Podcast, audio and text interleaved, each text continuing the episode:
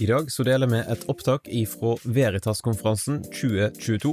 Veritas-konferansen er i hovedsak et samarbeid mellom tre organisasjoner. NLA, Mediehøgskolen Gimlekollen, der Damaris Norge er en randsonevirksomhet, og laget NKSS og Bibelskolen i Grimstad. Vi vil anbefale deg å bli med på Veritas-konferansen 2023. Den 20. til 22. oktober på Bibelskolen i Grimstad. I 2023 så vil hovedtemaet være Fornuft og fantasi arven etter CS Lewis. Sjekk ut veritaskonferansen.no for mer informasjon, og meld deg på i dag.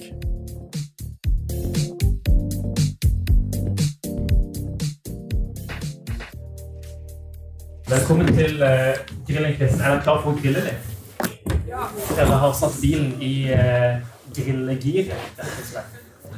Uh, vi er iallfall klare for å bli grilla, og vi skal bruke minst mulig tid på å snakke om grillingquizen og mest mulig tid på å faktisk grille. Og vi håper at dere benytter dere av anledninga til å stille de spørsmålene som dere lurer på, som dere kanskje har blitt utfordra på av andre, og som dere har følt at dere har kommet med utilstrekkelige svar på eller ting som, som rokker ved deres tro, som, som, skaper tvil hos dere, eller som skaper forvirrelse hos dere. Og så skal vi gjøre så godt vi kan eh, for å forsørge et godt svar. Det er ikke sikkert at, at vi heller eh, treffer eh, 100 det, det, det er sånn det er å, å være menneske, er at man, man eh, ser ikke det fulle og det hele. Eh, men vi skal gjøre så godt vi kan til å forsørge eh, gode svar.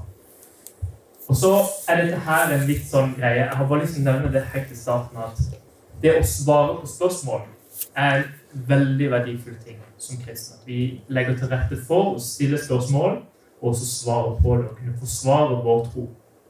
Og så er det noe med tittelen på denne konferansen som snur det hele litt rundt på andre sida også. At det faktisk er lov til å stille spørsmål også til andre livssyn. Det er ikke oss kristne som nødvendigvis alltid må sitte med bevisbyrden svare oss selv. Men det er mulig også å faktisk vippe den andre veien. Så når vi går ut herifra, så ikke tenk at du som kristen alltid er den som må stå på forsvars, som forsvarsposisjon. Men det er faktisk lov til å utfordre andre livssyn også. Eh, det tror jeg er en veldig veldig god ting for å få gode samtaler med de kristne. Etter Jon Horsen. Jeg eh, jobber i laget med apologetikk. Gjort det i nå over seks år. Eh, og syns det er helt eh, fantastisk. Jeg pleier å si at apologitikk er det gøyeste. Eh, det er mye gøyere enn eh, berg-og-dal-baner og bowling og kino og alt sammen. Så jeg er veldig glad som får lov til å jobbe med apologitikk hver dag. Yes, Jeg heter Sofie Braut og har jobbet mange år som lærer i videregående. Fått en god del spennende spørsmål og samtaler der selvsagt for folk. Eh, men har nå jobbet i laget i et par måneder. da. Mm. Så jeg er ny i laget og arbeider spesielt med Grillen kristen der. I tillegg har jeg engasjert meg i en samfunnsdebatt i ulike, til dels ganske upopulære spørsmål. Og har fått kjenne litt på den der Der òg har grillen blitt ganske godt skrudd opp innimellom. Så det er vi litt vant til. Og jeg heter Stefan Gustafsson. Om ni var med i går kveld, så hørte ni eh, lite om vem jag är. Eh, jag är alltså från Sverige, eh, bor i Stockholm, jobbar för något som heter Apologia, Centrum för kristen apologetik. Har en lång historia i det svenska laget och i också internationella lagsrörelsen. Så eh, älskar att jobba med studentevangelisation. Eh, är också kopplad till eh, NLA Gimlekollen eh, här i Kristiansand. Fint. Er det noen som vil starte med et eh, spørsmål? Vær så god. Eh, det står i Første Mosebok kapittel 6 vers 6 at uh, da angret Herre at han hadde skapt mennesket på jorden, uh, og han var full av sorg i sitt hjerte. Men hvis Gud er allmektig og allviten, hvorfor står det da at han angrer flere ganger i livet? For det har han. Ja, Första Mosebok kapitel 6 är ett konstigt kapitel. Det finns flera olika saker man kan ställa frågor kring i det kapitlet. Och det är lite märkligt när det står så att Eh, Herren ångrade sig. Eh, därför att det verkar ju vara som en defekt. Alltså vi människor, vi fattar ett beslut och så visar det sig att det var fel beslut. Och så ångrar vi oss. Och vi inser att när jag tog beslutet då hade jag liksom inte hela bilden. Jag förstod inte allting och därför tog jag fel beslut. Och det känns ju väldigt jobbigt om samma sak skulle gälla om Gud. Det är ju nästan uteslutet. Om Gud finns så känner han till allting och fattar inga felaktiga beslut. Så hur i all sin dag kan Gud då ångra sig? Jag tror man kan, man kan eh, säga två saker. Det första är att, eh, att Bibeln ofta använder ett antropomorft språk. Det betyder, det kommer från antropos, människa. Man använder mänskliga beskrivningar om Gud. Det är ju så att det talas om Guds ansikte. Men, men Gud har inte skinn och haka och pannben och ett ansikte i fysisk mening. Och det talas om Guds hand och Guds rygg och, och så. Så eh, man använder ett språkbruk som ska göra det lättare för oss att förstå. Det är det första jag vill säga. Eh, det andra är att det ordet som är, som är översatt med ångra, det, det betyder ångra, det är den vanliga betydelsen. Men ord har ju väldigt ofta flera olika nyanser och betydelser, men det kan dra åt olika håll. Och om ni läser i engelska översättningar så står det, eh, eh, så står det ett ord som har med sorg att göra. Att Gud sörjde över att det har blivit så här. Och det som Gud sörjer över, eller, eller eh, liksom det som upprör Gud i den här situationen, det är inte själva det faktum att han har skapat världen, utan det är ju vad de människor som han har skapat, vad de har gjort med den världen som han har skapat. Och det sörjer och upprör Gud. Eh, så det är inte det att Gud blir förvånad och ångrar sig därför att han har gjort ett misstag, utan det är en sorg över vad människorna har ställt till med. Noe som er venstre. Eh, I Bibelen så står det jo om at eh, David var utro med Urias eh, kone og fikk et barn, og det barnet døde. Hvorfor måtte barnet dø fordi David hadde gjort noe galt? Det var jo ikke barnet som hadde gjort noe galt. Eh, ja, det är ytterligare en sån här fråga om lite svåra ställen i Gamla Testamentet. De dyker ju, när jag är i Sverige så dyker de ju sällan upp på en grillen kristen med icke-kristna studenter för det är ingen som har läst Bibeln. Så då klarar man sig undan. då klarar man sig undan sådana frågor. Eh, men för oss som är kristna så är det ju helt naturliga frågor. Man läser i Bibeln och studsar till liksom, vad, vad är det här? Eh, Gud verkar handla på ett sätt som är omoraliskt eller felaktigt eller, eller så. Så vi behöver ju brottas med sådana här frågor och en, en del av de frågorna är, är ganska svåra. Eh, så vi får hjälpa varandra att försöka förstå det. Eh, det, är en väldigt, det är en väldigt mörk och sorglig, sorglig situation. Eh, eh David eh, förför eller tvingar sig på, vi vet ju inte riktigt, men eh, Batseba, hon blir med barn. Han försöker rädda situationen genom att bjuda hem eh, hennes man och hoppas att de ska ha sex så att han ska tro att eh, det är hans barn.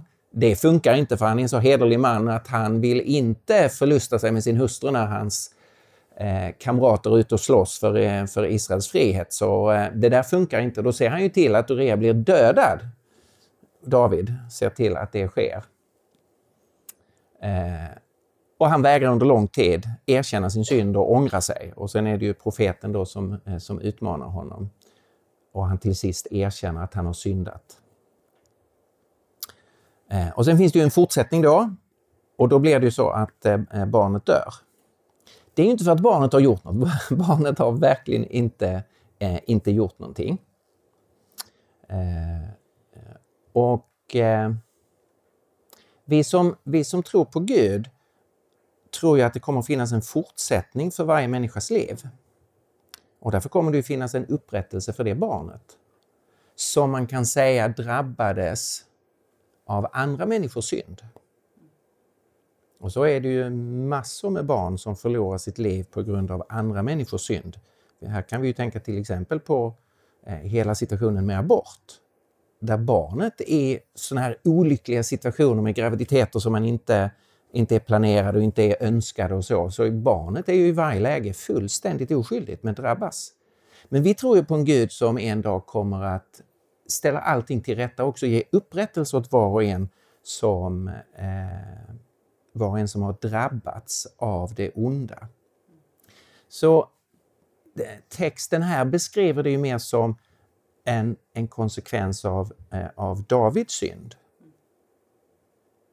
eh, att, att det här sker. Samtidigt så visar ju texten nåd eh, på det sättet att löftena till David görs inte om intet på grund av Davids synd. Och det är ju en av de, liksom, det är verkligen evangeliet i, i, i den här texten, att vår synd gör inte Guds löften till oss eh, om intet. Därför att Guds löften om nåd och en framtid beror inte på om vi syndar eller inte, utan beror ju på Gud og hans nåd og hans løfte og det som ytterst sett vi har fått gjennom Jesus. Långt svar, sorry. Jeg kan begynne litt, men det er et fint, veldig fint spørsmål. Og et spørsmål mener jeg kan, kan svare litt på i dag òg.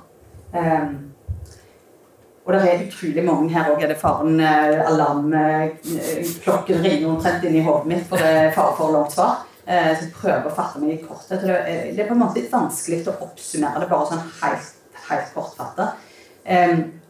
Bibelen representerer jo eh, først og fremst et fantastisk bilde av mennesket som er skapt i Guds bilde, til mann og kvinne.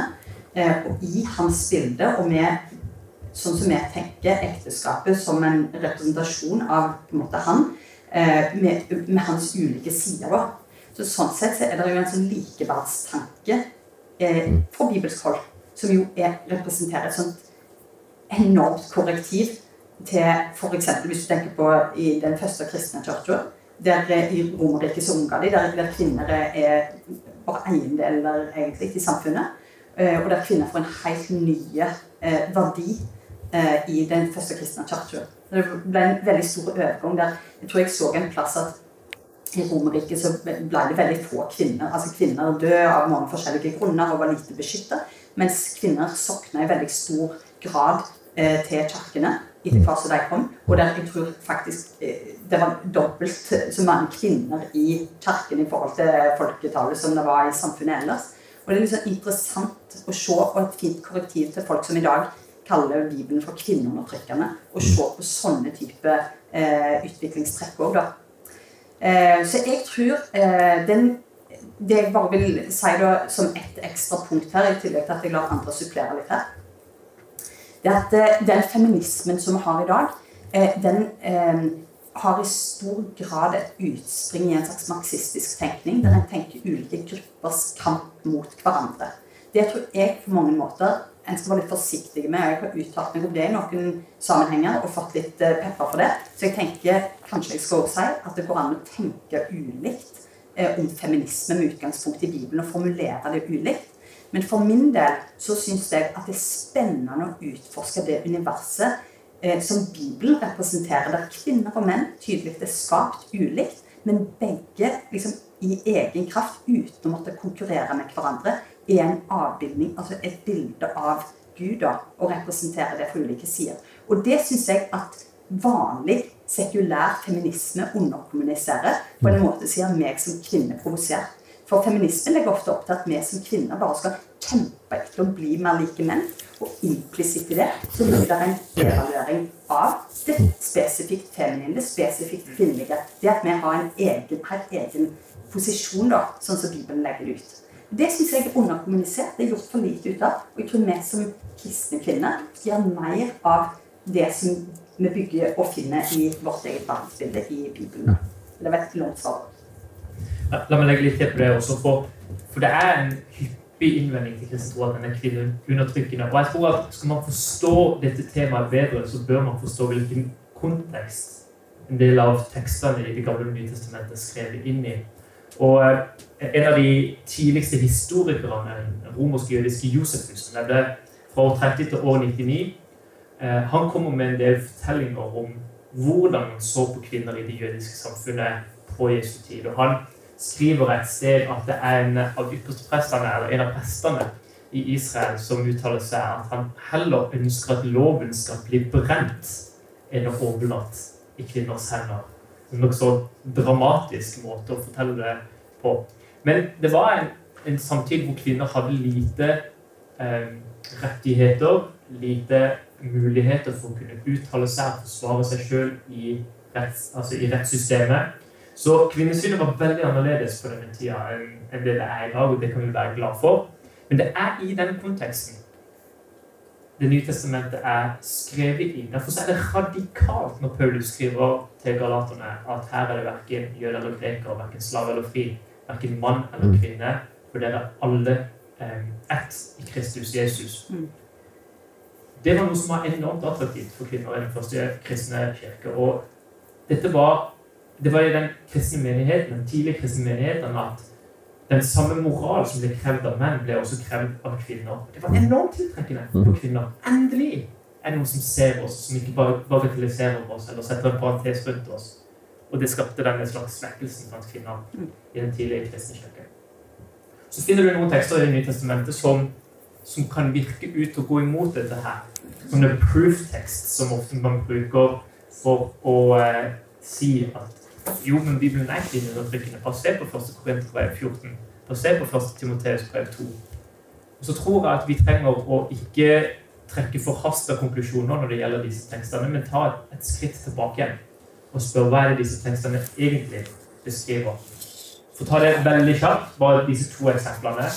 I første Korinterbrev 14 så står det om at dette, er det dette her, her er som at kvinner skal tie i forsamlingen. Og det er en tekst som har blitt gjenstand for mye kritikk. sant? Men så er jo spørsmålet hva menes egentlig i denne teksten? Hvilken kontekst er den skrevet i? Og et eh, vers som kommer bare noen få kapitler før dette her, kapittel 11, vers 4 og 5, så, så faktisk så underviser Paulus kvinnene hvordan de skal tale i menigheten. Så dette her kan umulig handle om en slags total eh, hva skal man si, at, at det skal være totalfraværende av kvinner som taler i menigheten. Det kan det umulig bety. Hvorfor skulle Paulus da bruke tid på å fortelle hvordan kvinner skal prate? I kapittel 11, vers 4 og 5. Vel, det som mange har kommet fram til, er at eh, 1. Korinterbrev 14, helt fra vers 26 til vers 40, handler om orden og uorden i menigheten. Det starter med i vers 26, hvor det står at jeg ønsker at det skal være orden, ikke uorden, for Gud er ordens ordensgud. Og I kjølvannet av dette her så kommer det en rekke eksempler av folk som skal være stille under gudstjenesten. Folk skal ikke tale i tunger på samme tid, folk skal ikke tale profetisk i samme tid. Og også kvinner skal tie under gudstjenesten. Og det gir jo mening. Det er irriterende å høre folk prate rundt deg når du sitter på møte og lytter til forkynnelsen. Det gir mening at skal man ha orden i menigheten, så må det være noen ordna former. Og at det inngår i Paulus på hvordan man bør ha ordna former. Først Timoteus 2 så står det jeg tillater ikke en kvinne undervise en mann, hun skal være stille. Dette er også en tekst som er vanskelig. som Det kommer en rekke argumenter for og mot, og dette er ofte en tekst som blir brukt for de som argumenterer for at kvinner ikke bør forkynne. Men den nøler litt med det også, eh, og dette er skrevet i en kontekst hvor Timoteus er i Efesus.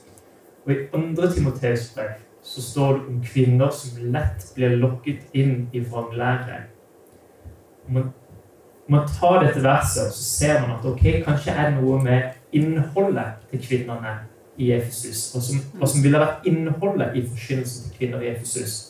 Så kan det handle om at det er derfor Paulus ønsker å advare mot at kvinner skal forkynne. Ikke fordi de er kvinner, men for hva de vil ha forkynt dersom de sluppet til i talerstolen. Det er også en måte å se på disse, disse versene på. Så det, det, ble, det, ble, ikke noe kortere svar, dette her. Eh, men, men Bibelen er nokså radikal ut fra sin samtid. Så finnes det en del vanskelige vers om dette temaet, om en hel haug av andre temaer, men ikke trekk forhasta konklusjoner rundt diverse. versene. Ta et skritt tilbake igjen, finner vi ut hva er det vi egentlig sier. Bare en kort tillegg av, av en hendelse. Så, eh, I forrige veckan så leste jeg litt om feminismens framvekst i Sverige.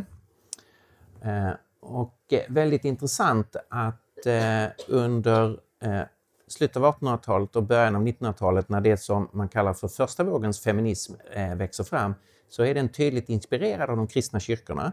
Och när man har den första kvinnorättskonferensen eh, i Stockholm så börjar man med att fira gudstjänst i en kyrka. Därför att man är helt motiverad av den kristna tron. Och det man kämpar för är ju eh, likaställning mellan män och kvinnor, eh, rätt till eh, rösträtt på samma villkor som män, eh, rätt till tillträde till universitet, eh, att få utbildning och lika lön för lika arbete. Och det, det här finner man ju argument för utifrån den bibliska tron på eh, människan skapad i Guds avbild som man eh, och kvinna. Så att i skapelsen är vi lika, samma värde, och i frälsningen är vi lika, utifrån Galaterbrevet. Eh, sen utvecklas ju feminismen, eh, precis som vi hörde här. Eh, och de senare, det man kallar för andra och tredje vågen, blir sen mer komplicerat ur kristen synvinkel när man börjar hävda det finns inte någon skillnad överhuvudtaget mellan manligt och kvinnligt. Könet är en social konstruktion och så. Eh, och då kommer det ju in tankegångar som är mycket svåra att motivera utifrån, eh, utifrån kristen tro. Men den här grundläggande feminismen eh, när det gäller lika rättigheter, lika status för män och kvinnor, så är den faktiskt motiverad just utifrån kristen tro. Eh, hvordan skal man ta stilling til sånn som Noahs ark eh, i forhold til en gammel jord og forhold til evolusjon og sånt, når du ser på eh, hvordan ting skal gi mening med at dyrene har forbedret seg ut, som en det eh, skal vandre ned til Australia, liksom, og ja, sånn da. Så spørsmålet handler om Noas ark og eh, hvordan man kan gjøre rede for dyr og for f.eks. kenguruer. Hvordan skal man forstå det godt? Ja. Så dette her er jo en tekst som, som inngår i den delen av Bibelen som vi prater om litt i stad, for første kapitlene av første Mosebok, som er litt annerledes enn fra kapittel 12 til 50. Da blir det mye mer som historisk, klar historisk. Eh, på en måte sjanger over det og stil over det. Mens de første elleve kapitlene virker noen ganger til å være litt annerledes. Eh, når det gjelder akkurat dette her med, med hvordan forstå Noas ark, så finnes det faktisk en rekke flomberetninger i andre historiske kilder som vi har fra f.eks. Babylonia, Persia, tidligere Irak, tidligere Iran, fra den samme tiden som forteller om en stor flom eh, og en konge som skal redde folk fra denne flommen. F.eks. Gilgamesh-epos og Atrahasis-epos. Det er to liksom ganske store eposer fra den tida som vitner om denne flommen. Så er det noen som tenker at eh, det betyr jo at Bibelen bare har, har kopiert disse mytene. Eh, at, at, her har Bibelen forfattere lest tidligere kilder, og så har de adoptert de og kopiert de inn i den, de bibelske tekstene. Det er selvsagt en måte å se det på, men en helt annen måte å se det på er jo at det har vært en flom tidlig i menneskers historie, og folk har sett det, og folk har prøvd å gjøre fornuft ut av det og skrive det ned i at du vil ha dem fra disse forskjellige kulturene. Så Det er litt interessant at faktisk så er ikke Bibelen den eneste kilden vi har til at det har skjedd en flom tidlig i menneskers historie, men at at det finnes andre kilder til det samme. Når det gjelder hvordan flommen var, så er man uenige som kristne. Noen forsvarer en global flom, mens andre eh, forsvarer en lokal flom. Jeg vil tilhøre den sistnevnte kategorien og si at jeg mener det finnes gode argumenter for at det finnes en lokal flom. Det ordet som blir brukt i Det gamle testamentet om at eh, flommen gikk over hele verden, det, det, det coole erets er det hebraiske ordet. Det er det samme ordet som blir brukt f.eks. når det står at hele verden kom til Egypt for å eh, kjøpe korn eh, når Josef var i Egypt. jo. Eh, men, de tror ikke fra Australia til Egypt for å kjøpe korn, eller fra Nordpolen. Altså. Eller fra Stockholm. Eller fra Stockholm. Det må ha vært mengder på mengder med korn i Egypt på den tida, i så fall, for å si det. Eh, for å klare å holde folk hele veien tilbake til Stockholm. Um, så jeg tror at det finnes gode grunner for å se på dette her som en lokal flom. Um, når det gjelder spørsmålet om, om eh, evolusjon og, og, og, jordas alder, så er det interessant å se at, at jorda nei, Bibelen ingen steder sier noe som helst om jordas alder. Det fins ingen tekst i Bibelen som, som, sier noe spesifikt om hvor gammel jorda er. Du finner det ikke i Første Mosebok 1. Du finner det ikke i skapelsesberetningen i Jobb eller i, i Romerne 5, som prater om Adam. Du, du slik jeg ser det, så finner vi ingen tekst i Bibelen som forplikter oss til et syn på jordas alder. Derfor så tenker jeg at vi kristne står helt fritt til å følge hva moderne vitenskap sier om det. Og det er at jorda er rundt 4,6 milliarder år gammelt. Og universet er ca. 13,7 milliarder år gammelt. Evolusjon er også et uh, stort spørsmål. Jeg uh, skal prøve å svare så kort som mulig på det. Det jeg tenker også er viktig da, å ha med i mente, at som kristne så er vi forplikta på at Gud har skapt. Det er det våre trosbekjennelser sier, at vi, vi, må tro at Gud har skapt. Men hvordan Gud har skapt, det tenker jeg at vi som kristne er helt frie til å være uenige om. Så, så jeg tenker at uh, vi, kan, vi, kan, sitte her og ha forskjellige syn på skapelse. Det kan hende at vi har, og leve i fred og forsoning uh, på det. Eh, samtidig som at man kan stå for et syn. Og det, det, gjør jeg også. Jeg har ingen problem med evolusjon. Jeg tror godt at Gud kan skape gjennom evolusjon. Jeg takker Gud for uh, Sofie og for Stefan, vel vitende om at de er blitt til på en naturlig måte. Jeg takker Gud for uh, maten jeg har på tallerkenen min hver dag, vel vitende om at det har skjedd gjennom en prosess i naturen hvor uh, det har kommet regn over åkre, og det har stilt fram poteter og gulrøtter som har blitt frakta eh, og endt opp på min tallerken. Eh, så det at det har skjedd en prosess, eller at det har skjedd noe i naturen, betyr jo ikke at Gud ikke kan stå bak. Og at Gud står bak, betyr ikke at det umulig kan ha vært en prosess i dette. her, sant? Um, så jeg tror ikke at Bibelen eller at det finnes noe sånn filosofisk argument for at Gud ikke kan skape um, For at Gud ikke kan skape gjennom en revolusjon. Det var mange temaer. Kort tid. Vet ikke om dere vil legge til nå. Vi kan gå videre. Noen som har et spørsmål? Ja, takk også. Eh, jeg lurte litt på hva som skjer med Ananias og Safira. Eh, og hvorfor Gud på en måte ikke viste dem noen nåde. Eh, ja. Ananias og Safira, det er de som faller døde ned etter å ha lurat eh, eh, församlingen. Eh, var, varenda år i Sverige så er det rubriker om att det finns kassörer och andra i kyrkor som har förskingrat pengar. Fast de faller aldrig döda ner. Eller hur? Men de här två faller döda ner. Hur ska man tänka, tänka kring det? Jag tror, jag tror man kan tänka så här att eh, både i Gamla Testamentet och på några platser i Nya Testamentet så ser vi Guds dom över synden. Men det är inte så att Gud dömer varje synd och varje syndare hela tiden. Det hade inte blivit mycket kvar av historien, eller hur? Om Gud skulle ha gjort det hade inte du och jag suttit här. Vi hade ju fallit döda ner för länge sedan. Så för det mesta är det ju så att Gud håller tillbaka sin dom och låter syndaren fortsätta, så att säga. Men det där kommer inte fortsätta i all evighet. Det kommer ju en yttersta dom när allting ska göras rätt. Och då all synd kommer att dömas och där synden leder till döden. Såvida inte någonting mer inträder. Men själva principen är ju synd leder till död. Så har Gud visat på ett antal punkter i historien så har han visat vad domen är. Att synd leder till död. Och det ser vi i eh, straffdomar i Gamla Testamentet. Och vi ser det här i Ananias och Safira. Så här allvarligt är det att synda med Gud, synda mot Gud. Synd leder till död. Man är, man är värd att falla död ner, så att säga. Ingen som har läst Bibeln kan på den yttersta dagen säga jag visste inte att synd var så allvarligt. Gud har visat det. Och sen har Gud visat sin nåd på ett antal utvalda punkter i historien. Hur han befriade Israels ur Egypten. Vi har sett Guds fantastiska frälsning på liksom en, en utvald punkt. Så vi kan veta någonting om Guds kärlek till oss. Så jag tror att det har ett uppenbarelsesyfte. Så eh, om jag ska sammanfatta. Eh, alltså den situationen uppenbarar eh, någonting om syndens allvar och Guds helighet. Och den står där till varning för oss.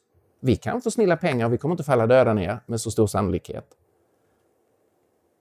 Men vi vet om hur allvarligt det är och den där försnillningen kommer att komma upp inför Gud på domens dag.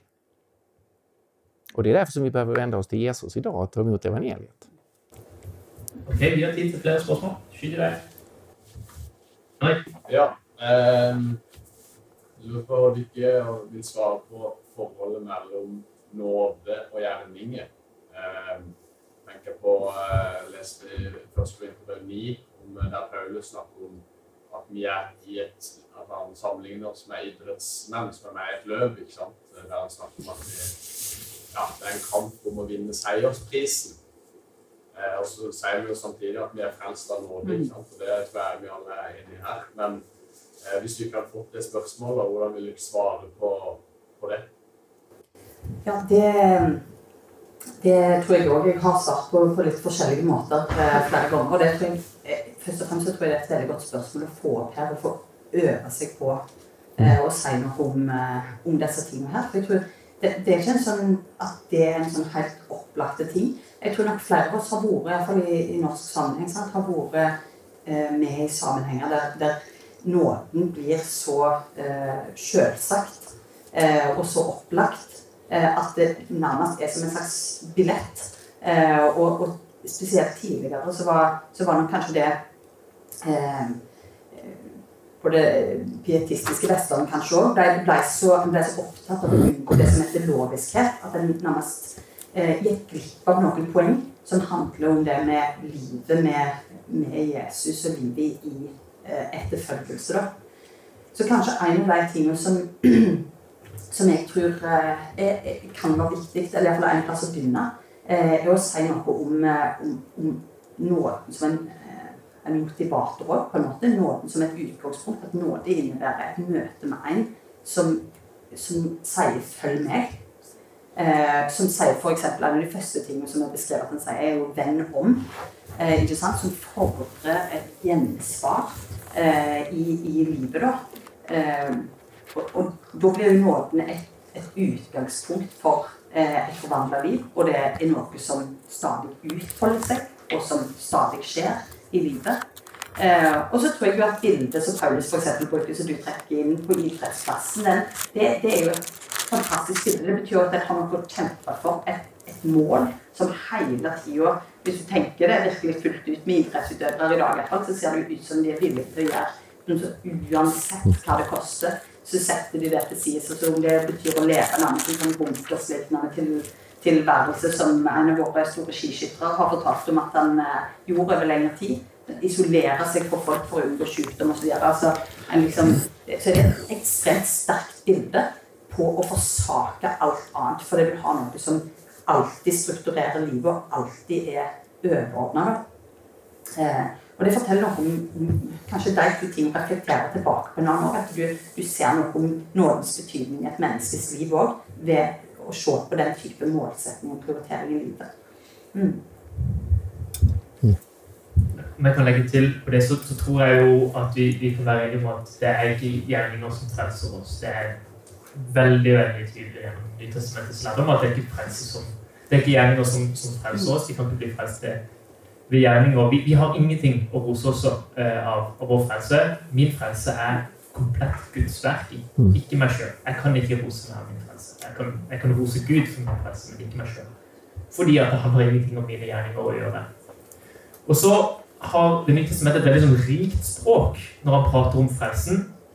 Og litt av den kritikken som ofte har kommet mot luthersk soteriologi, altså luthersk frelseslære, har vært at den er foropphengt i rettferdiggjørelse av tro. Og kritikerne av luthersk soteriologi vil jo aldri si at vi ikke er rettferdiggjort ved tro. Det er vi definitivt, og det er en enormt viktig del av Nytestamentets testamentets språk på frelsen, spesielt Galaterprøve og romerprøve. Men at Nytestamentet testamentet er rikere enn det. At Jesus prater om å være født på ny, og det er også noe som kommer igjen i, i første Peters brev. Vi skal være født på ny til et levende håp. Også et det, det ordet som jeg mener blir oftest brukt om frelsen gjennom Det nye testamentet, spesielt i Paulus, er å være i Kristus. At, i, at, når vi er frelst, så er vi i Kristus. Og at det får faktisk en slags moralsk implikasjon for våre liv. For han bruker det i argumentasjonen sin i de moralske spørsmålene i første Korinterbrev. Mm. Så når han prater om prostitusjon, f.eks., så sier han at jo, men dere er jo i Kristus. Kroppen deres tilhører Kristus. Derfor kan ikke dere leve med prostituerte, fordi at deres kropp tilhører Kristus. Den er ikke det. Sånn at man går på en måte kanskje litt glipp av det moralske eh, implikasjonene av frelse. Så man vil jo kanskje si det at At det er ingenting ved våre gjerninger som vil frelse oss. Vi kan ikke rose oss sjøl for noe som helst med frelse, men i kjølvannet av det så får det noen implikasjoner for våre liv. Um, at det betyr at om vi ønsker å følge Jesus, så betyr det at vi holder oss fast til hans lære. Um, de er mine disipler, de som holder mine, mine bud. Um, Ja, og, og så en ting som kan være fint å trekke fram i forbindelse med å snu og vende litt på sånne ting, for jeg vil jo bare i en uh, samtale mange om det får en sånn ulike typer respons på det, det er jo litt med, med hva bildet vi har av tru eh, i vårt samfunn som en teoretisk størrelse, noe som relaterer til intellektet veldig ofte. At en på en måte lider under denne her dualismen, ikke sant. Som, så, så det der å, å tenke at, eh, at tru faktisk, som, som iallfall i en sånn jødisk kontekst, helt naturlig nedfeller seg som noe som en en lever. Det er ikke noe en tenker. Det er ikke en forsantholden av, av verken nåde eller Altså bare en sånn tankemessig ting, men noe som vil ta bolig i hele den som eier dette håpet, da. Og som er blitt ny og født på ny. ikke sant? Det er òg et sterkt begrep. Men har ikke liksom valgt å bli født. Så det er òg ganske sterkt, akkurat det uttrykket. Men Bibelen har et rikt billedspråk. Og litt av faren noen ganger er jo at den blir såpass tilvant, disse bildene som er der, at en egentlig glemmer noe av styrken i det når Jesus f.eks. sier til Nikodemus å bli født på nytt. Må jo ikke for oss at det er en veldig sånn merkelig, et veldig merkelig utsagn, egentlig. Eh, og, og, spennende å grunne videre på det. Mm. Ja. Vi rekker ett spørsmål til. Ja, beklager det. Eh, I Apostlenes gjerninger står det at de var syke ute på gaten og la dem på senger og bårer, og at de minste skyggen av Peter kunne falle på noen av dem når de gikk forbi. Altså at de ble friske. Men da det står også noe med berøring av kappen, og så ble de friske.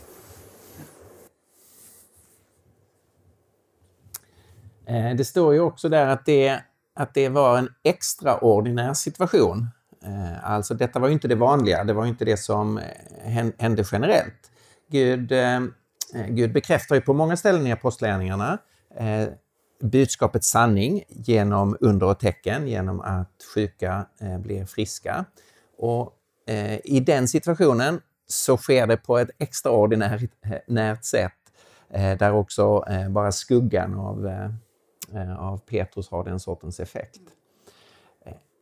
den sortens berättelser ska man inte läsa som att eh, eh, det här är ett löfte om att det ska ske genom hela historien, så nu ska alla kristna ledare ställa sig i solen så det blir en skugga och så ska, eh, så ska, vi liksom, så ska saker hända där i, i skuggan. Utan det här får man ju läsa som en... Eh, det var någonting som Gud gjorde i startpunkten av den, eh, den kristna rörelsen.